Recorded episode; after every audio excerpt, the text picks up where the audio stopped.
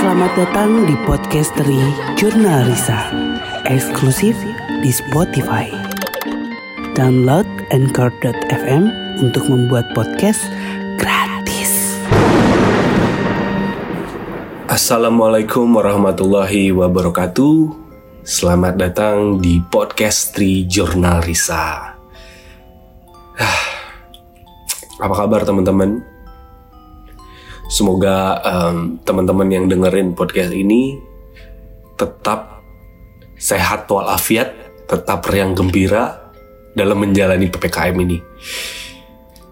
Dan semoga PPKM-nya nggak diperpanjang ya. Soalnya memang sedikit membatasi pergerakan, terutama buat saya yang suka jalan-jalan gitu, suka traveling, atau mungkin teman-teman juga ada yang suka traveling dan kena imbasnya gak bisa pergi ke mana-mana. Bahkan toko-toko aja udah tutup kan, dan kehidupan di jalan sangat amat sepi. Jadi lebih spooky nih, terutama di kota Bandung ya. Ya semoga semuanya kembali normal. Amin, amin, amin. Nah kali ini eh, saya mau bercerita pengalaman seram saya. Jauh, jauh banget, jauh banget. Beberapa belas tahun yang lalu mungkin, waktu saya masih SD. Kebetulan em, saya SD tuh bisa dibilang anak bandel lah ya. Bandel-bandel cowok, anak SD lah. Sampai sampai saya dapat julukan Toshiba.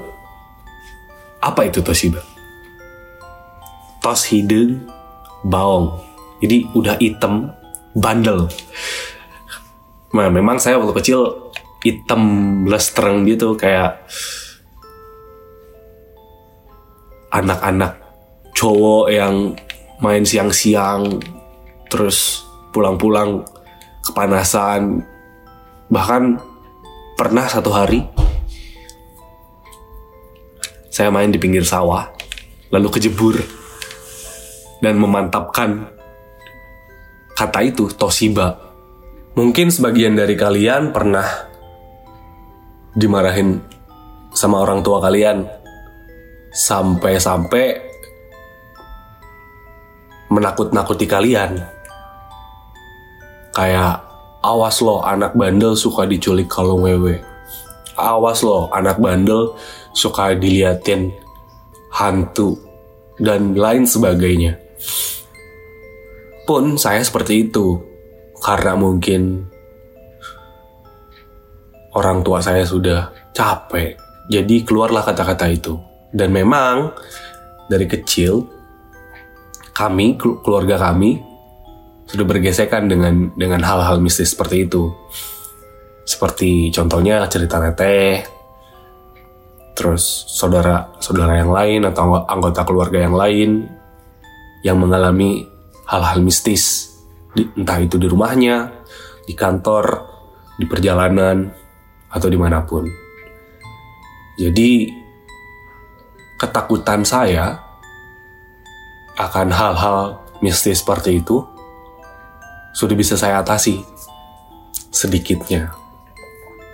Tapi tetap penakut. Hanya saja hal-hal seperti itu sudah tidak aneh untuk saya sendiri. Atau mungkin anak seusia itu, terutama saya pada saat itu, memang gak ada takutnya. Larangan-larangan yang seharusnya tidak untuk dilakukan, saya lakukan. Pantangan-pantangan yang berbahaya, saya lakukan. Namanya juga anak kecil. Tingkat kekepoannya begitu besar, iya gak sih? Sampai pada akhirnya saya tetap main. Jauh dari rumah ngejar layangan main bola sampai maghrib. Pulang dimarahin besok dilakuin lagi. Begitu kira-kira emang bandel saya tuh ya. Sampai satu malam kebetulan Teresa dulu em, sempet tinggal bareng di rumah kakek bersama saya. Sampai satu malam kalau nggak salah di jam 7 jam 8 Teresa pulang dengan tergesa-gesa nyampe rumah dan nangis. Saya kepo kan. Kenapa ya? Kok teteh nangis? Saya liatin lah, saya dengar dari lantai dua. Samar-samar saya dengar teteh teriak ayah ayah kuntilanak. Di, di udah kuntilanak. Astagfirullahalazim saya makin kepo kan. Masa bisa gitu kan? Sampai pada akhirnya paginya saya nanya sama mama saya mah kita teh kenapa semalam nangis Terus mama bilang, Tete lihat kuntilanak, terus dia kuntilanaknya ngejar. Makanya jangan main malam-malam, jangan keluyuran malam-malam. Abis asar tuh harus udah di rumah, gak boleh keluar lagi. Nanti kamu diliatin hantu. Pada saat itu saya saya takut untuk beberapa hari.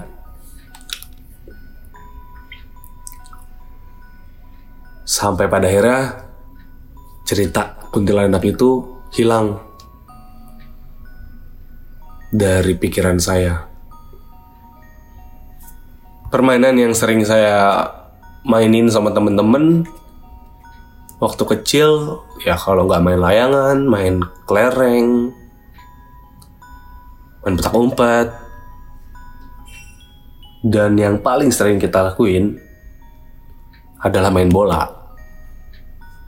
Jadi satu sore saya pulang sekolah, gak masuk rumah dulu, gak ganti baju dulu, saya langsung nimbrung sama temen-temen yang memang udah main bola duluan. Lagi asik-asik main bola, ada yang teriak dari kejauhan. Iko pulang. Saya lihat, wah mama saya ini. Oh, buru-buru saya pulang, lari. Terus pas sampai rumah, kamu kalau kayak gini terus, nanti dilatin hantu loh. Dengan belagunya pada saat itu saya jawab, gak takut, gak takut. Karena kejadian itu beberapa hari saya pulang sekolah langsung pulang ke rumah. Karena malas kalau di karena malas kalau dimarahin lagi. Tapi gak lama, hanya dua hari mungkin kalau nggak salah. Habis itu saya main lagi.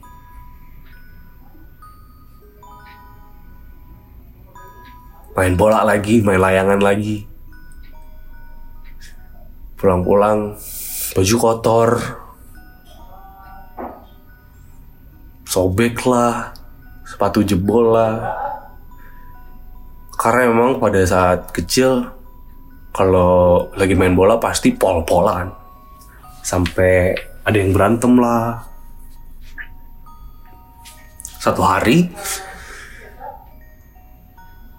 Saya nyampe rumah tuh setengah tujuh. Kebetulan mama belum pulang. Di rumah cuma ada kakek. Pelan-pelan saya menyelinap masuk ke rumah.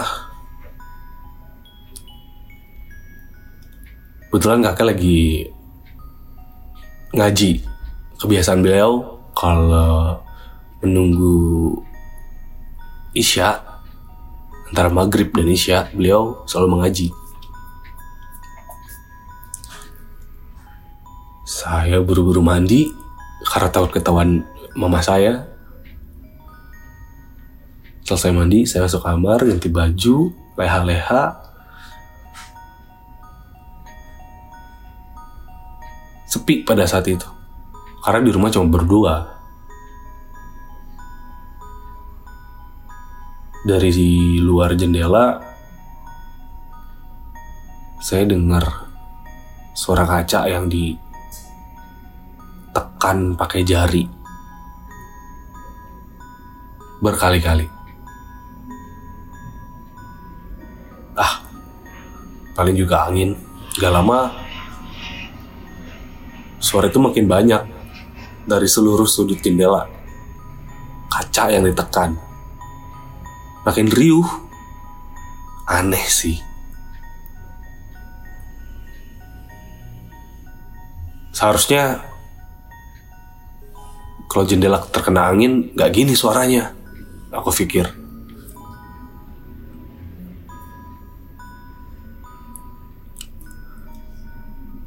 Ah, apa sih?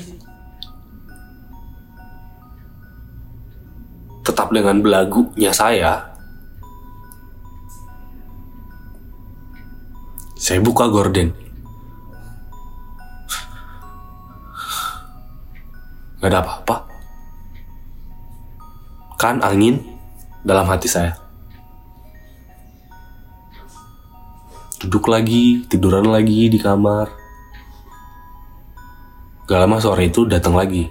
Kedengeran lagi. Saking keselnya, saya lempar batal ke arah jendela. Sore itu hilang.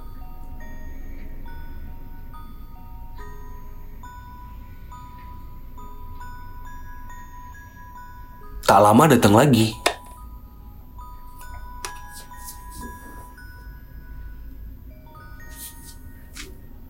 Makin keras, makin sering, dan ditambah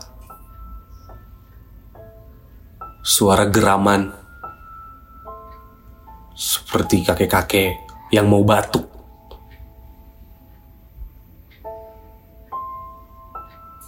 Perasaan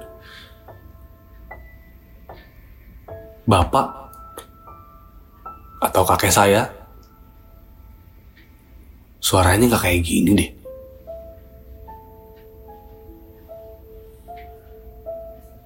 Perasaan saya makin makin ciut dari yang tadinya berani jadi ciut dan mulai keringet dingin.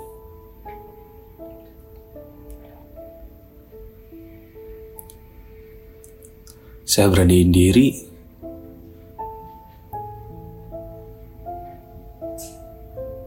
untuk buka gorden dan pada saat saya buka ada sosok tinggi besar bertanduk dan matanya merah nyala. Sosok itu nggak nggak gerak. Sosok itu hanya berdiri mematung dan melihat ke arah saya, tajam banget.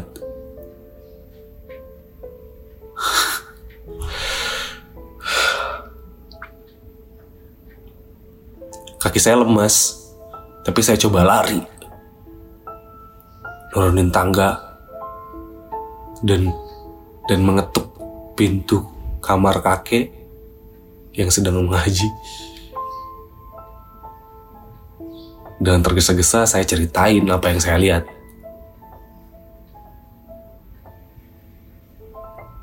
Gak kerasa air mata keluar gitu aja mungkin karena saking kagetnya dan nggak tahu itu apa selesai cerita kakek cuma bilang matakna tong baong. Makanya jangan bandel. Kepala saya diusap pakai lalu dikasih minum air. Udah perlahan tenang perlahan tenang nggak lama mama pulang. Terus saya ceritain lagi. Dan respon mama pun sama seperti respon kakek. Dengan senyum sinis beliau bilang makanya jangan bandel. Kalau dibilangin orang tua tuh nurut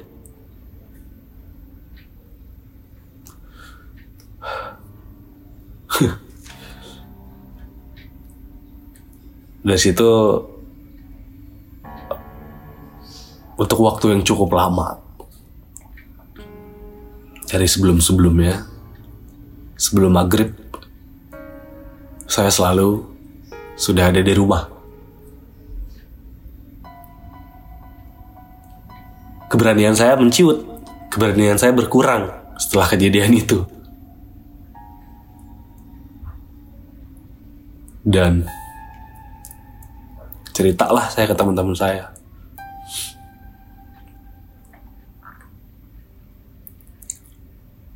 kalau saya mengalami hal itu. Teman-teman saya bilang, ah penakut, ah masa sih ada yang percaya dan ada yang tidak. Namanya juga ada kecil ya. Intinya saya jadi anak rumahan lah karena kejadian itu untuk beberapa waktu. Saya sering sedikit melamun karena karena masih mikir kejadian itu kenapa bisa terjadi dan apa itu tuh? Gak ada yang bisa ngejelasin gak ada yang mau ngejelasin. Kakek enggak mama enggak. Beliau hanya bilang jangan bandel jangan bandel. Diem di rumah. Pulang sekolah diem di rumah. Belajar. Main boleh. Tapi harus tahu waktu.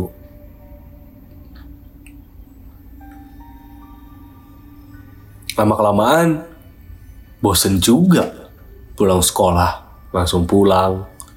Main cuma sebentar. Ah ah udahlah paling juga kejadian itu nggak akan terjadi lagi itu mah kebetulan aja. Di rumah lagi sepi. Dan akhirnya saya main lagi.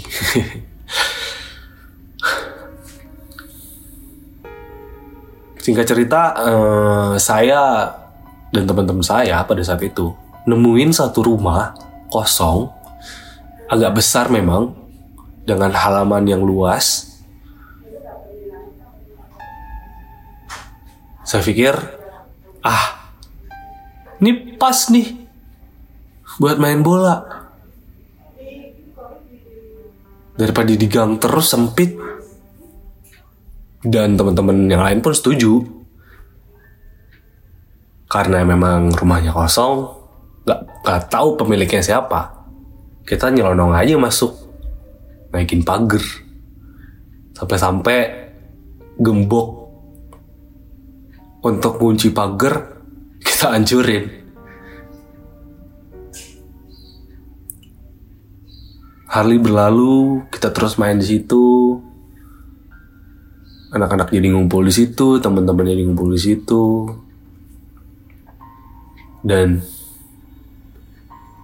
orang tua orang tua kami pun sebenarnya melarang untuk main di situ. Karena rumah itu memang sudah lama kosong.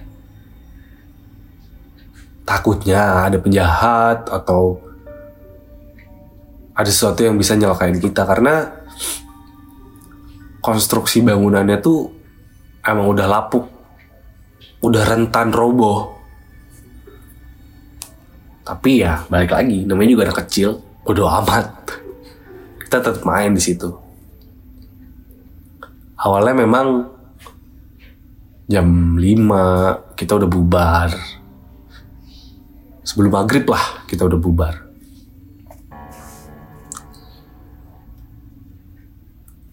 Tapi lama kelamaan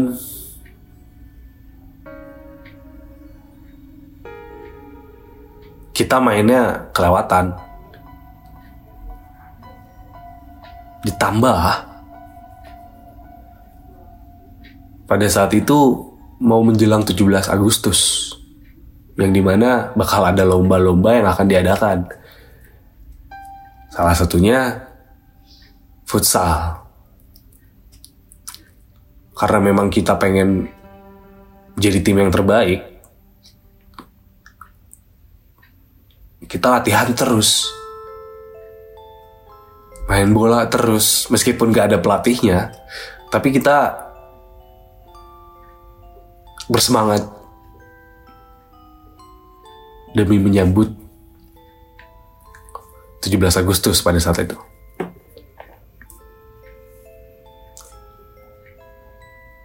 Satu hari saya dan teman-teman saya main bola di situ.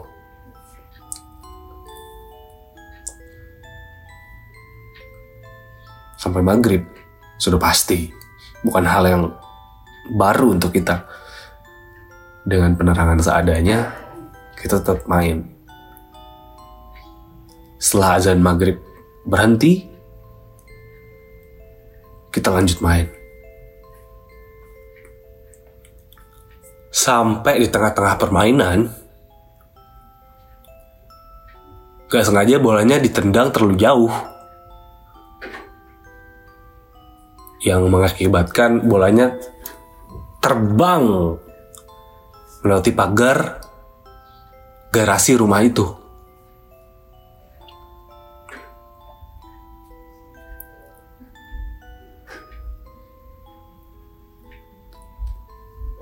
saya dan teman-teman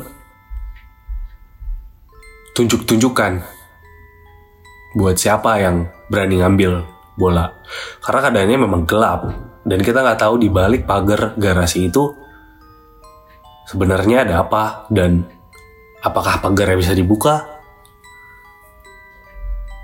Akhirnya dengan si sok keberanian ini saya tanpa pikir panjang memberanikan diri untuk ngambil bolanya. Karena memang bola pada saat kita kecil ya bola itu mahal gitu. Kita harus patungan jadi nggak bisa dibiarin aja harus diambil.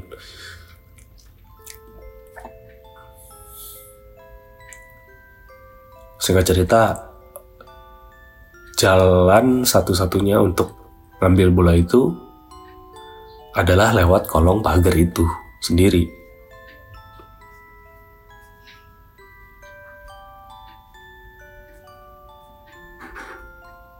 Samar-samar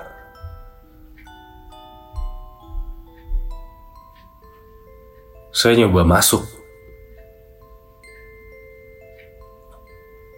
ke dalam garasi itu.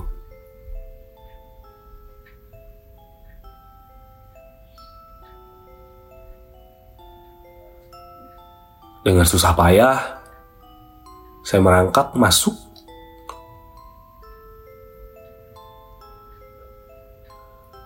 Gak lama, satu meter dari pagar, saya melihat bolanya. Dan saya teriak, woi ada nih bolanya. Teman-teman saya dari kejauhan, ya udah buruan ambil.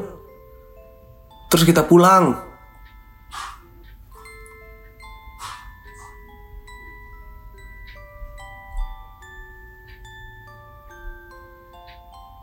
Tapi anehnya bola yang ada di dalam garasi itu gak cuma satu. Loh, kok gak cuma satu ya bolanya? Pikirku. Padahal kan yang main bola di sini cuma kita doang. Dan baru pertama kali nih bolanya masuk ke dalam garasi.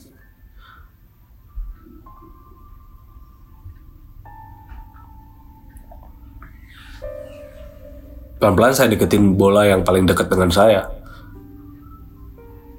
Saya jalan deketin bolanya. Pelan-pelan saya ambil.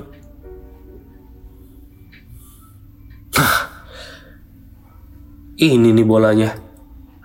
Yang lain ambil jangan ya. Ah nggak usah lah. Itu kan bukan punya kita, pikirku. Setelah saya ambil bolanya, lalu saya lempar keluar pagar. Sesaat saya mau merangkak keluar dari garasi, dari belakang ada sosok sekaligus suara yang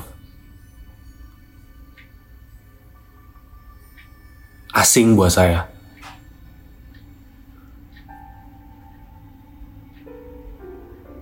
Jang, candak bolana Jang. Jang, candak Jang bolana Jang. Jang. Dengan berani saya lihat ke belakang dan ada sosok kakek-kakek yang lusuh, botak.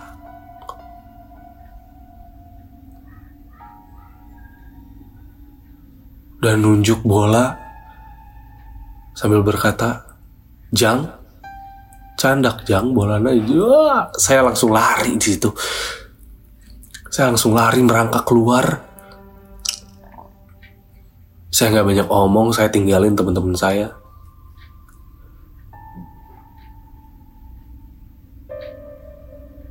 Saya nangis lagi. Cerita lagi. Ke kakek dan ke mama. Dan ya. Tengah-tengah saya cerita dan menangis, beliau cuma bilang, Jangan bandel nurut apa kata orang tua.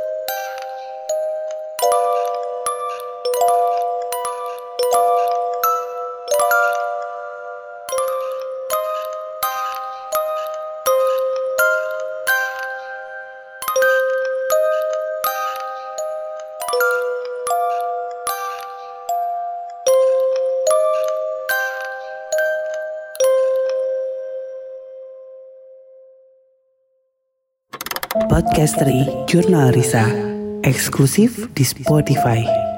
Download Anchor.fm untuk membuat podcast gratis.